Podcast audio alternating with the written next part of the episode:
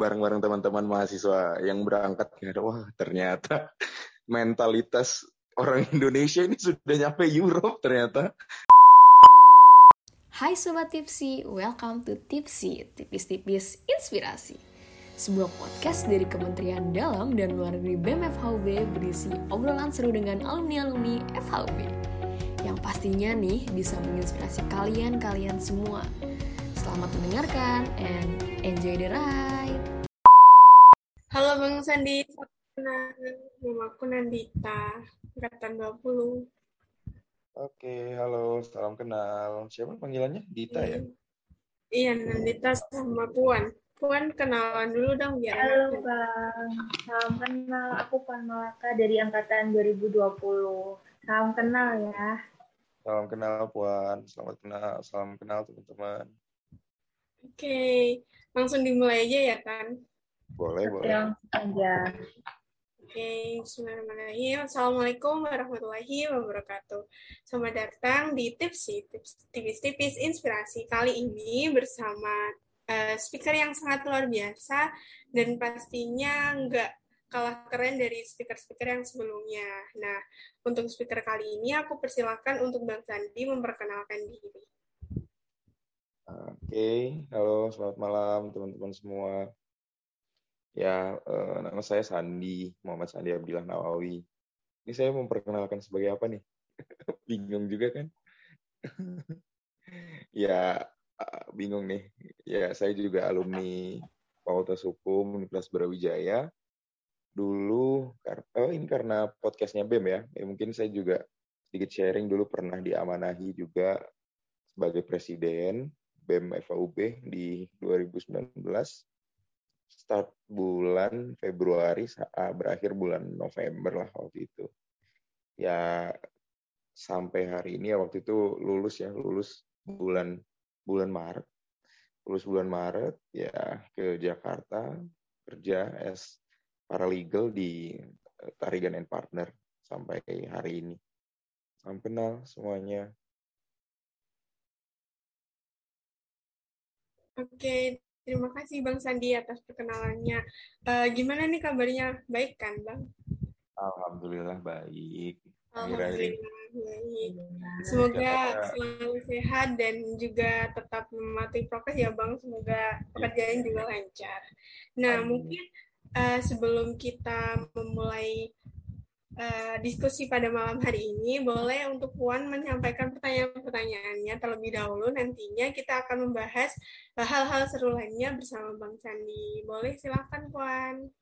Oke, Bang Sandi sekarang kesibukannya gimana? Eh, sorry sorry. Kesibukannya Bang Sandi sekarang apa Bang? Iya. Jadi kalau kesibukan aku akhir-akhir ini ya, ya tetap ya mungkin rutinitas kerjaan, WFH, WFO gitu kali ya.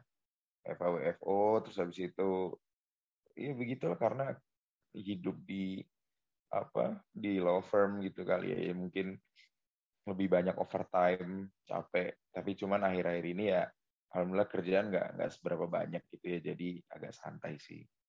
Itu Oke, berarti ini uh, online atau offline atau hybrid, Bang? Iya, hybrid. Kadang WFH, kadang WFO gitu sih, tapi lebih sering banyak WFH-nya. Karena emang pekerjaan akhir-akhir ini lagi agak santai kok, gitu. Oke, berarti uh, kalau dari proses kerjanya ini kan hybrid ya, mungkin ini uh, bisa dibilang uh, metode baru gitu kan sebelum-sebelumnya offline gitu semuanya offline gitu. Nah gimana sih bang kalau kesahnya atau kesannya gitu? Uh, bekerja kadang work from home kadang uh, datang langsung ke office-nya gitu. Iya, kalau ini ya satu-satunya yang jadi pembeda ya mungkin ya uh, lebih ke faktor ekonomi sih. Karena kalau kita ngantor ya, kalau kita ngantor biasanya itu uh, dapat ya makan siang gitu kan, makan malam gitu-gitu. Nah, sedangkan kalau WFA ya mau nggak mau kan uh, jadi keluar duit gitu ya. Pembedanya sih lebih ke ekonomi aja sebenarnya sisanya ya nggak ada. ya jelas kalau di di di rumah eh, sorry di kosan gitu kan lebih santai gitu ya lebih santai kalau di uh, kantor mungkin ya asik gitu ya ada teman-teman juga ngobrol-ngobrol kadang kalau jam istirahat ya kita makan nongki cuman itu sih yang yang jadi yang jadi pembeda ya faktor ekonomi sih gitu. Oke, uh, aku lanjut ya Nandita. Berbicara uh, dulu Abang itu menjadi Pres BEM FH 2019 kan ya. Nah, iya. itu apa hal yang mendorong Bang Sandi untuk maju sebagai Presiden BEM FH? Motivasinya okay. apa gitu? Iya, oke okay, oke. Okay. Uh, eh, aku coba jelasin dari dua perspektif ya. Yang pertama dari perspektif uh, personalku dari diri sendiri ya mungkin pada saat itu juga melihat uh, kondisiku waktu itu dari sebelumnya ya dari sebelumnya juga diamanahin sebagai uh, koordinator Dewan Perwakilan Mahasiswa juga yang mungkin sedikit banyak juga banyak tahu dengan kondisi mahasiswa tupoksi-tupoksinya seperti uh, drafting legislasi gitu ya legislation setelah itu mungkin jaring aspirasi uh, buat beberapa advokasi-advokasi tertentu khususnya problem-problem yang dimiliki mahasiswa. Nah, dari situ sebenarnya akhirnya muncul tuh muncul secara personal kayak mampu nggak ya kira-kira untuk uh, goes to next level gitu ya as a presiden di BMFA UB. Cuman pada saat itu akhirnya satu-satunya yang benar-benar mantap, yang bikin mantap itu adalah lebih ke challenge, lebih ke pertanyaan yang dasar sih kayaknya mampu nggak sih gitu kan untuk untuk ambil challenge ini gitu. Itu itu itu secara personal. Lalu kalau dari perspektif yang kedua yaitu dari perspektif publik ya. Yang pertama Ya, nggak menutup kemungkin nggak nggak memungkiri juga ya dari teman-teman terdekat gitu sering tuh kayak banyak yang bisikin udah san naik aja udah gitu kan siapa lagi sih di Eva itu kalau dari perspektif teman-teman ya gitu gitu kan habis itu ya kamu juga orangnya banyak paham soal uh, gimana kondisi Eva kondisi teman-teman mahasiswa? Uh, kamu juga banyak teman banyak kenal dengan dosen-dosen jadi why not gitu kan? Akhirnya hmm, akhirnya ya sempat mikir-mikir ya konsul sama teman-teman terdekat sama senior sama keluarga ya akhirnya memutuskan lah waktu itu ya oke okay, gitu Bismillah gitu maju gitu jadi presiden. Ya alhamdulillah sih hoki kali ya hokinya terpilih gitu Oke, berarti di situ Bang Sandi uh, sembari DPM juga sebagai presiden BEM gitu ya, Bang? bukan sembari sih uh, next jadi habisnya oh. habis jadi ketua DPM di 2018 ya, di 2019 kalau sembari abuse of power dong jadi ketua DPR-nya sama jadi presiden tuh oke nah uh, di tengah kesibukan nih Bang Sandi jadi pres presbem ataupun uh, itu waktu Bang Sandi semester berapa kalau boleh tahu Iya, waktu itu lagi ada di semester 7 ya, di semester 7 sampai semester 8. Kayak gitu. Itu ah, sorry, sorry, sorry. Itu sorry semester 6. Semester 6 semester 7 kali ya. Agak-agak lupa sih di 2019 itu. Uh, uh. Udah semester atas ya, Bang? Iya, udah semester akhir waktu itu. Uh, gimana cara Bang Sandi untuk membagi waktu antara apa ya bisa dibilang organisasi dan uh, akademik ataupun organisasi-organisasi yang lain, Bang. Gimana okay. cara bagi waktunya gitu? Iya, oke okay, oke. Okay. Uh, eh, jadi ini ya, kalau dari aku ya mungkin anak-anak orang-orang gitu pada nanya, ya emang gimana sih apa apa nggak capek apa ya sibuk berorganisasi kapan belajarnya bla bla bla gitu-gitu. Nah, aku nggak tahu deh.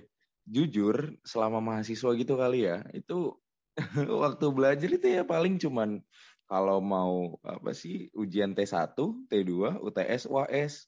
Selebihnya ya udah aku nongkrong diskusi sama teman-teman, ngobrol sama teman berorganisasi justru kalau menurutku dari dengan cara kayak begitu dengan kita ngobrol ngopi ya mostly nggak nggak cuma hahihi ngegame kali ya juga kita uh, discuss something misal tentang beberapa mata kuliah misal contoh tentang isu-isu hukum, isu-isu politik nasional, isu-isu FH, isu-isu Brawijaya, gitu kan. Jadinya uh, menurutku lebih lebih oke okay sih. Jadi kalau ditanya gimana caranya bagi waktu, ya nggak ada caranya. Ya udah kita kampus berorganisasi kuliah, di luar itu kita nongki, diskusi, gitu-gitu sih. Itu kalau dari aku ya. Kalau ditanya bagi waktu ya nggak ada. Karena yang ngejalanin kehidupan kayak rutinitas biasa sih. itu. Oke, okay, jadi let it flow gitu aja ya Bang. Jadi ah, yang bener. harus harus dilakukan, lakukan dulu. Kalau kalau lagi senggang ya nongkrong gitu, biar nggak sepaneng gitu ya. Mm-mm, bener okay. bener itu bener bener bener. Uh, tadi aku sempat baca CV dari Bang Sandi nih, banyak juga hmm. pengalaman hmm. terkait dengan event internasional. Nah, mungkin oh, iya. bisa Bang Sandi menyampaikan uh, kesan gimana sih mengikuti event internasional? Kan itu juga bukan event yang biasa aja gitu kan. Hmm. Gimana sih Bang uh, kesannya gitu, kayak keren aja gitu. Gimana sih menurut Bang Sandi? Enggak sih, kalau dibilang keren kayaknya agak-agak agak-agak berlebihan deh.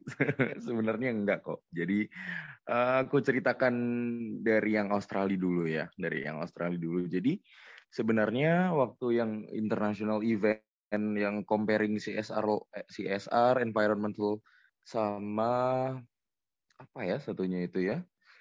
Hmm, aduh aku lupa deh waktu itu lupa pokoknya gitulah. Kita kita melakukan studi banding tentang uh, eh, CSR sama employment oh, sama company itu ya kali ya. Sama jadi intinya perbedaan antara sistem hukum yang mengatur antara di Indonesia sama di Australia gitu sih kurang lebih.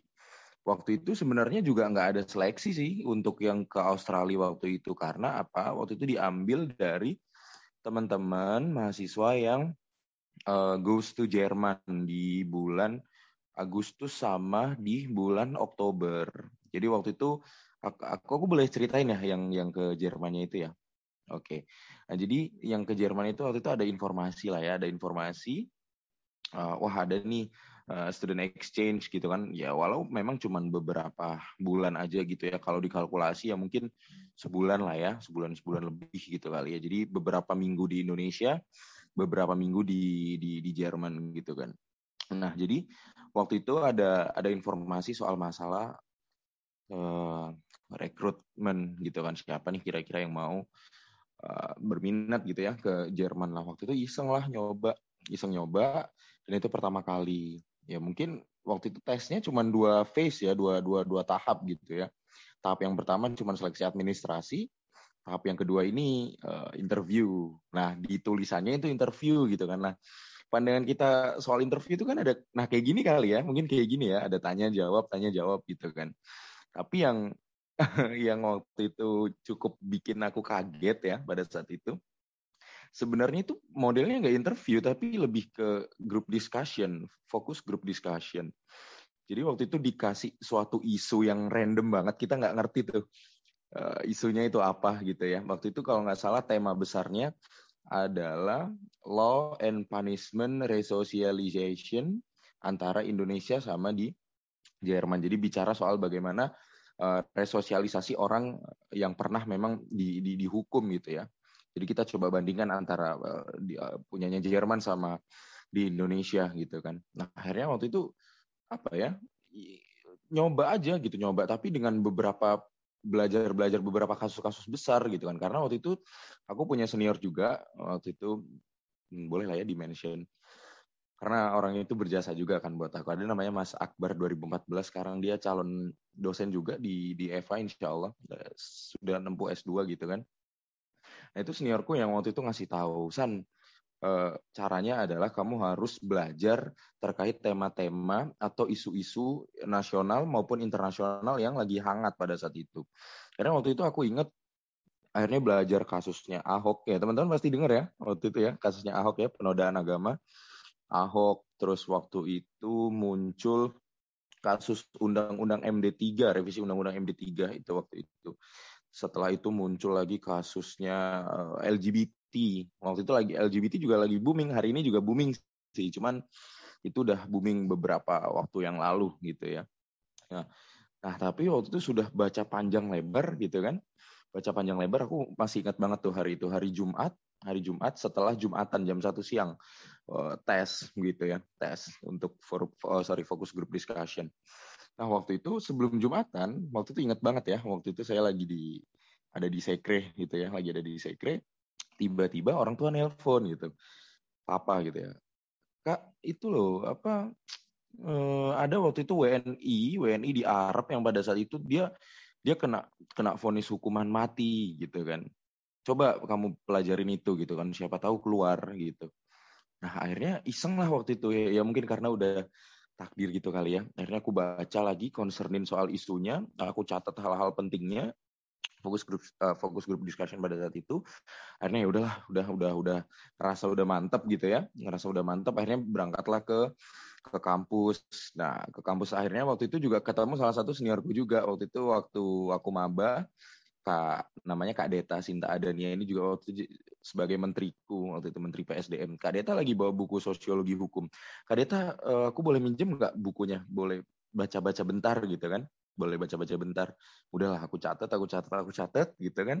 Akhirnya masuklah uh, ke tes fokus group discussion pada saat itu nyampe sana, nyampe sana itu minder banget karena waktu itu ada uh, kakak tingkat ya angkatan 2015 dia kayak lagi latihan speech gitu kan. Wah, gila. Jago lah bahasa Inggrisnya maksudnya kayak aduh apalah aku ini gitu kan. Akhirnya waktu itu ya ya udahlah udah pasrah gitu kan namanya aja coba-nyoba gitu kan. Karena ternyata yang ikut itu sampai di angkatan 2014 paling tua itu waktu itu angkatan 2014 dan aku waktu itu jadi angkatan paling muda. Sebenarnya ada 2017 sih cuman nggak nggak boleh belum boleh ikut gitu kan. 2016 jadi angkatan paling muda gitu. Alah ya udahlah siapa tahu next year gitu kan bisa bisa coba gitu. Nah akhirnya waktu itu kebetulan uh, kita suruh duduk kita suruh uh, introduce ourselves di depan beberapa dosen ya. Ada tiga dosen waktu itu. Ada tiga dosen uh, akhirnya coba sudah perkenalan akhirnya gini. Dia ngelempar mereka itu si dosen itu ngelempar suatu isu dan kita cuma dikasih waktu riset itu dua menit. Dikasih waktu riset dua menit kayak pertanyaannya simple what do you think about death penalty? Coba bayangkan.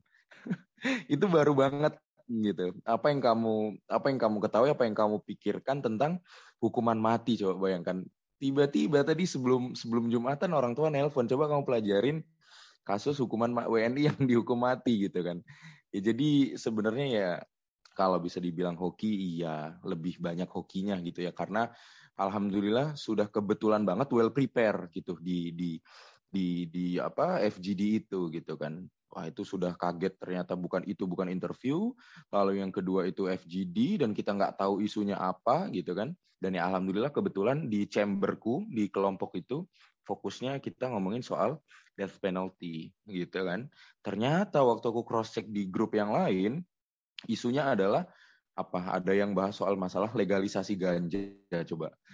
Coba bayangkan aku masuk di grup yang grup yang sebelah gitu ya. Udah kayaknya nggak bisa apa-apa gitu. Jadi ya benar eh, kalau aku bisa bilang ah, teman-teman mungkin bilang wah keren gitu enggak sih kalau menurutku lebih ke lebih ke hoki sih sebenarnya. Itu. Terus akhirnya ya beberapa minggu ada pengumuman subuh-subuh uh, di di websitenya itu tanggal sekian, misal taruhlah tanggal 15 gitu ya, tanggal 15 September misal pagi gitu kan. Tiba-tiba orang tua jam 3 subuh itu nelpon, "Kak, coba itu lo liatin apa pengumumannya udah pengumuman belum?" gitu kan. Itu lagi ngopi coba bayangkan. Ya Allah, mah ngapain? Mana ada orang apa uh, ngeposting jam segini gitu kan. Sudahlah dicek dulu gitu kan. Waktu aku cek Wah, itu ternyata ada tuh nama uh, M. Sandi Abdullah Nawawi lolos uh, Law and Culture Jerman 2018. Wah, udah aku telepon orang tua, orang tua nangis gitu-gitu ya kita happy lah ya. Karena ya first time banget lah waktu itu ke Europe dan itu fully funded, kita nggak keluar duit sepeser pun, bahkan kita juga dapat duit 600 euro pada saat itu kurang lebih 10 juta lah dari pemerintah. Itu sih.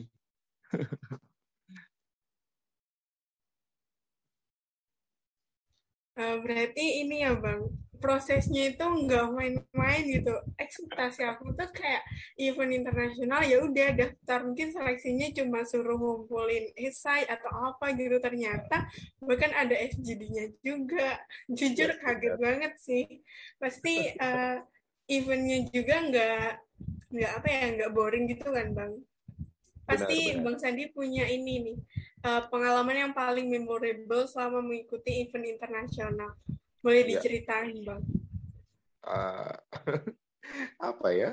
Kalau dibilang memorable, jelas memorable semua lah ya pasti karena ya gimana sih gitu kan?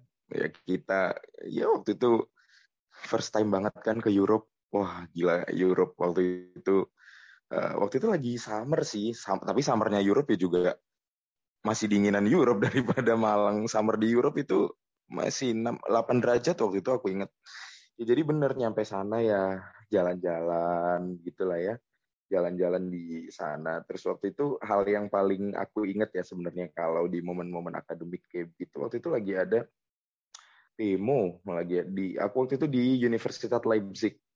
Universitas Leipzig itu di Leipzig ya di di Jerman Timur gitu ya di Jerman Timur waktu itu lagi ada demo mahasiswanya gitu ya maksud nah akhirnya kayak oh ternyata demo-demo begini tuh yang kata yang banyak hari ini mahasiswa nggak banyak suka ya itu ternyata di Jerman itu juga gitu loh. Maksudnya dia dia juga menyatakan aspirasinya. Tapi yang dia bela itu mungkin pada saat itu kebetulan aku datang di sana adalah uh, pegawai kantin. Nah jadi pegawai kantinnya si Universitas Leipzig ini udah bahasanya nggak nggak inilah ya nggak nggak free di sana sudah kena charge gitu jadi mau nggak mau eh, teman-teman mahasiswa ini coba ini yang di sana.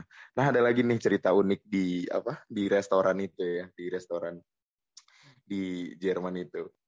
Aku baru tahu ternyata orang Jerman punya mahasiswa Jerman punya kebiasaan yang sama gitu. Jadi kita ngambil makanannya tuh kayak prasmanan gitu ya, kayak prasmanan gitu kan. Kita ngambil nasi, kita ngambil lauk, lauk begitu kan murah sebenarnya karena eh, kita belinya waktu itu kita ditraktir lah ya sama teman-teman di Jerman di sana. Terus kita dikasih tahu tips. Eh, mau makan murah nggak? Ah, gimana ceritanya mau makan murah gitu kan? Murahnya murahnya di sana kalau kita pikir rupiahnya lumayan juga gitu kan. Sekali makan di sana mungkin 3 euro, 4 euro gitu. Nah, satu euro berapa? Cuma 17 ribu sekian gitu kan kalau 3 euro ini makan apaan? Di kantin makan segini gitu kan. Itu ya namanya aja orang Indonesia kan nilai rupiah nggak ada apa-apanya. Nah akhirnya waktu itu eh mau mau tahu cara makan murah nggak? Ah gimana caranya? Gitu kan. Ambil lauk yang besar gitu kan ditaruh di atas nasi. Kita ambil lauk kecil-kecil itu ditaruh di bawahnya lauk yang gede itu. Coba bayangkan aku akhirnya inilah ya di belakang bareng-bareng teman-teman mahasiswa yang berangkat. Wah ternyata mentalitas orang Indonesia ini sudah nyampe Europe ternyata. Itu sih kayak hal yang epic ya waktu itu.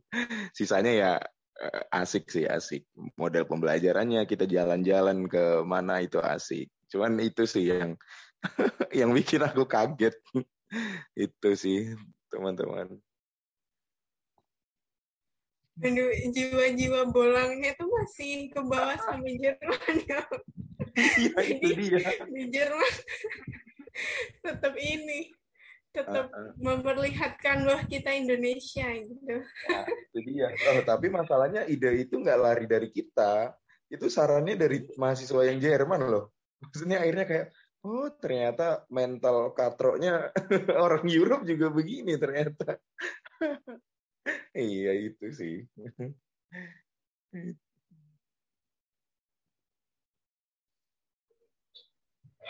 Oke, uh, seru banget ya Bang masa-masa kuliah dulu. Emang uh, itu cuma dirasain waktu kuliah aja ya Bang?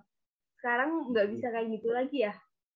Ah bener, kalau kalau sekarang mau kayak gitu bayar kayaknya. Hmm, bayar. Kira-kira kangen gak sih Bang sama kuliah lagi? Wah, itu sih kangen banget. Apalagi kemarin COVID ya, orang mau lulus harusnya kan kita ya sering-sering uh, main gitu ya sama teman-teman karena udah mau balik ke asalnya masing-masing gitu kan ya harusnya. Eh malah COVID. Ya gitu, makin kangen akhirnya. Nggak dapat momen-momen akhir kita kuliah. Bang Sandi lulus tahun berapa? 2000? 21 ini? Iya, malu sebenarnya kalau ngomong oh, 2021. Barusan. Baru lulus bulan Maret. Jadi total kuliah sih empat setengah tahun. Ngaret satu semester lah ya. Berarti ini sudah online dong bang? Aduh, ntar aja lah nunggu offline juga nggak ada masalah sebenarnya. Wih, keren. Gimana nih Nandita? Mungkin satu pertanyaan lagi ya bang. Nah, uh, dari Bang Sandi ini ada nggak sih bang mungkin uh, tips untuk kita para mahasiswa online dan insya Allah tahun depan kita hybrid nih. Nah, Bang Sandi kan udah berpengalaman, mungkin boleh dong uh, dikasih tips and triknya gitu.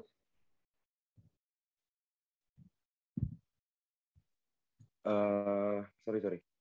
Maksudnya tips and trik apa nih? Untuk untuk apa dulu?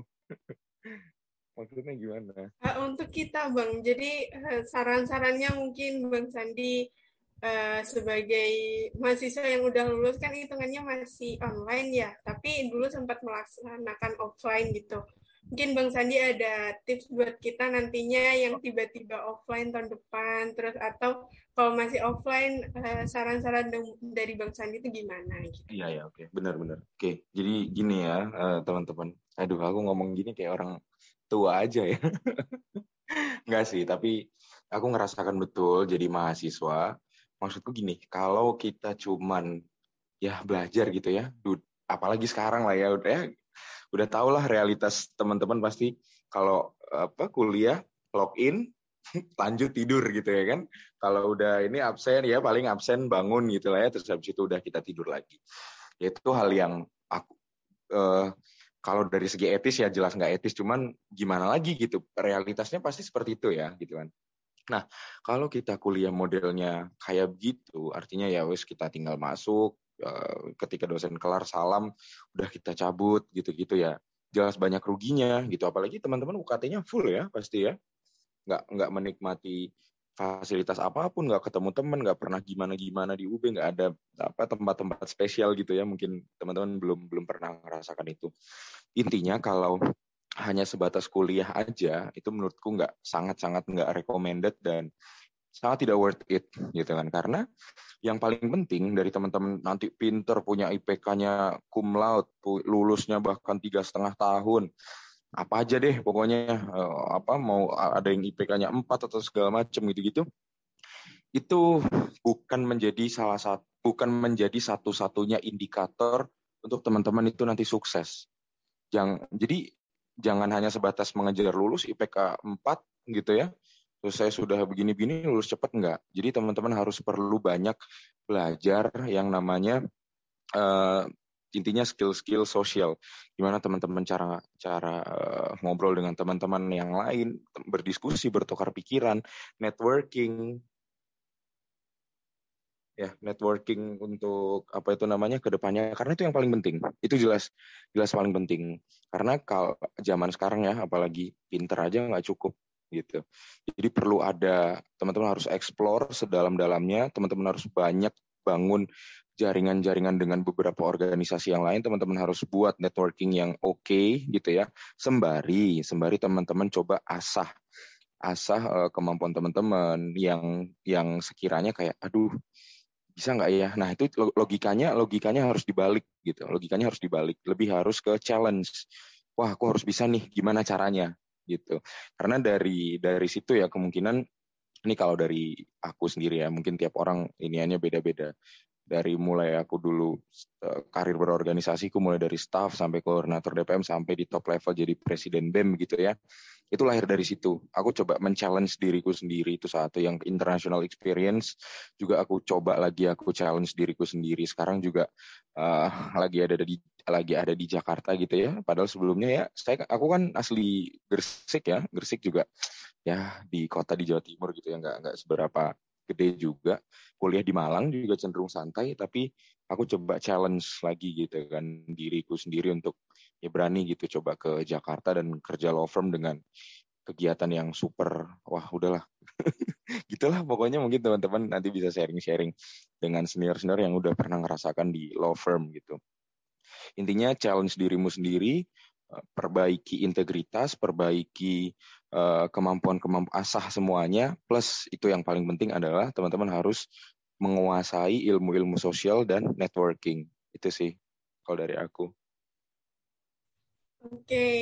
uh, ini emang benar sih yang dikatakan sama Bang Sandi. Tadi yang sempat disampaikan juga penting-penting banget karena kita nggak akan melulu hidup di rumah kita pasti butuh untuk bersosialisasi dan kita harus uh, menguasai teknik-teknik untuk bersosialisasi gitu ya bang. Uh, Oke okay, terakhir nih bang, mungkin boleh bang Sandi menyampaikan closing statementnya untuk tips kali ini. Silahkan bang. Ya closing statementnya adalah uh, yang pertama aku mau sampaikan aku happy banget ya, happy banget masih jadi apa ya, seenggaknya bisa sharing, bisa sharing dengan adik-adikku, junior-juniorku di BEM. Ya kita udah gap berapa tahun sih? 2016 ke 2020 udah empat tahun ya. Udah empat tahun gitu kan. Kita juga nggak pernah sebelumnya meet di kampus kayak gimana. Kita nggak pernah kenal satu sama lain gitu kan. Tapi kita bisa saling sharing. Nah itu menunjukkan kalau inilah networking gitu kan. Inilah uh, jejaring-jejaring atas atas dasar alumni, jejaring atas dasar uh, kesamaan kita sebagai mahasiswa FAUB gitu kan ini uh, tetap dijaga. Teman-teman harus uh, ke depannya harus punya cita-cita yang besar, jangan hanya sebatas memikirkan diri sendiri. Gimana caranya aku pribadi bisa sukses? Enggak, no, it, it's a big no gitu kalau kalau dari kalau dari perspektifku ya. Jadi teman-teman harus bisa ajak sukses teman-teman yang lain gitu kan dengan cara bagaimana logikanya begini, kalau teman-teman jadi orang biasa-biasa aja gitu kan, teman-teman jadi orang-orang yang biasa-biasa aja, nilai manfaatnya pun juga akan biasa-biasa aja. Tapi itu berbanding terbalik apabila teman-teman jadi orang yang luar biasa gitu kan, maka teman-teman akan bisa uh, ngajak teman-teman yang lain, ngajak adik-adik besok, ngajak junior-junior, ngajak rekan, pokoknya semuanya lah. Itu kan dengan scope yang lebih lebih gede sama kayak mungkin logika pohon gitu ya. Pohon yang mungkin ya nggak banyak daunnya nggak banyak rantingnya nggak banyak apanya gitu kan. Ya cuman bisa menaungi beberapa orang saja satu dua orang gitu kan. Tapi kalau teman-teman tumbuh sebagai uh, sebuah pohon yang besar yang ya anggaplah misal contoh misal pohon beringin atau pohon apa gitu ya. Tentu saja bakal banyak orang yang berteduh merasakan manfaat dari teman-teman. Dan teman-teman juga berhasil gitu jadi salah satu alumni Fakultas Hukum Universitas Brawijaya yang membanggakan gitu seperti beberapa senior-senior kita sebelumnya itu. Oke, terima kasih banyak Bang Sandi. Uh, mungkin sesi tipsi ini bisa dicukupkan karena mengingat waktunya udah malam. Uh, sebelumnya aku mau ngucapin banyak terima kasih atas waktunya Bang Sandi. Udah bisa ngeluangin waktu buat kita sharing-sharing dan lain sebagainya. Nah, harapannya di sini dengan berakhirnya tipsi ini bukan menjadi apa ya namanya kayak tetap hubungan aja gitu ya bang. Kayak uh, tetap sharing-sharing gitu tetap kontak-kontakan ya, okay. lah intinya sebagai kakak tingkat ataupun senior ke adik tingkatnya gitu bang. Boleh boleh. Kalau kita mau saling tuker sosial media boleh. Kita follow follow di Instagram boleh. Follow boleh aja kan boleh banget ya. Boleh banget. Boleh boleh. Boleh banget. Thank you for listening, but don't worry, Tipsy bakal balik lagi dan akan kembali hadir di episode-episode berikutnya dengan bintang tamu yang gak bakal mengecewakan dan gak kalah asik lagi. So, see you soon guys. Salam Tipsy.